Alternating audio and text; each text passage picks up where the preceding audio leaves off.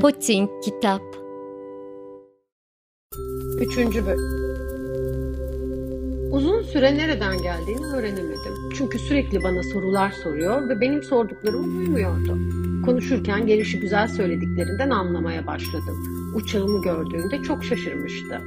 Bu ne? dedi. Uçak olduğunu anlattım. Uçak bu. Uçak benim uçağım. Nasıl yani? dedi şaşırarak. Gökten mi indin sen?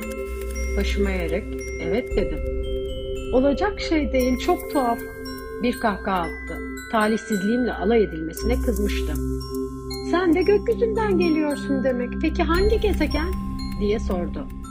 Birdenbire onda bir gizem olduğunu anladım. Sen başka bir gezegenden mi geliyorsun yani diye sordum hemen. Gözlerini uçağımdan ayırmadan kendi kendine başını sallıyordu. Bununla çok uzaktan gelmiş olamazsın zaten dedi. Uzun uzun düşlere daldı. Ardından cebinden benim çizdiğim koyunu çıkararak hazinesini incelemeye koyuldu. Az önce istemeden söylediği başka gezegenler sözü beni meraklandırmıştı. Merakımı gidermeli ve daha fazlasını öğrenmeliydim. Küçük dost, nerelisin sen? dedim. Bizim oralar dediğin yer neresi? Bir süre düşünüp, koyunu iyi ki sandığın içinde verdin. Geceleri orada yatar. Evet, hem uslu olursan bir de ip veririm.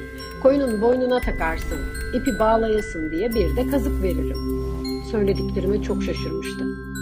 Bağlamak mı dedi, ne kadar saçma. Ama bağlamazsan çıkıp gider kaybolur.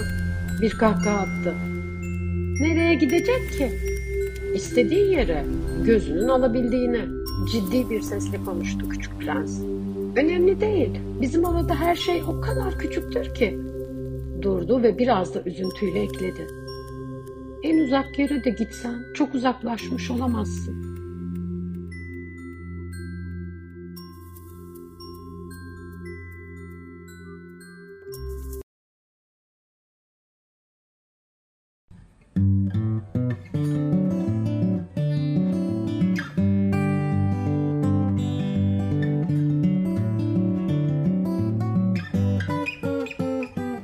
Poting Kitap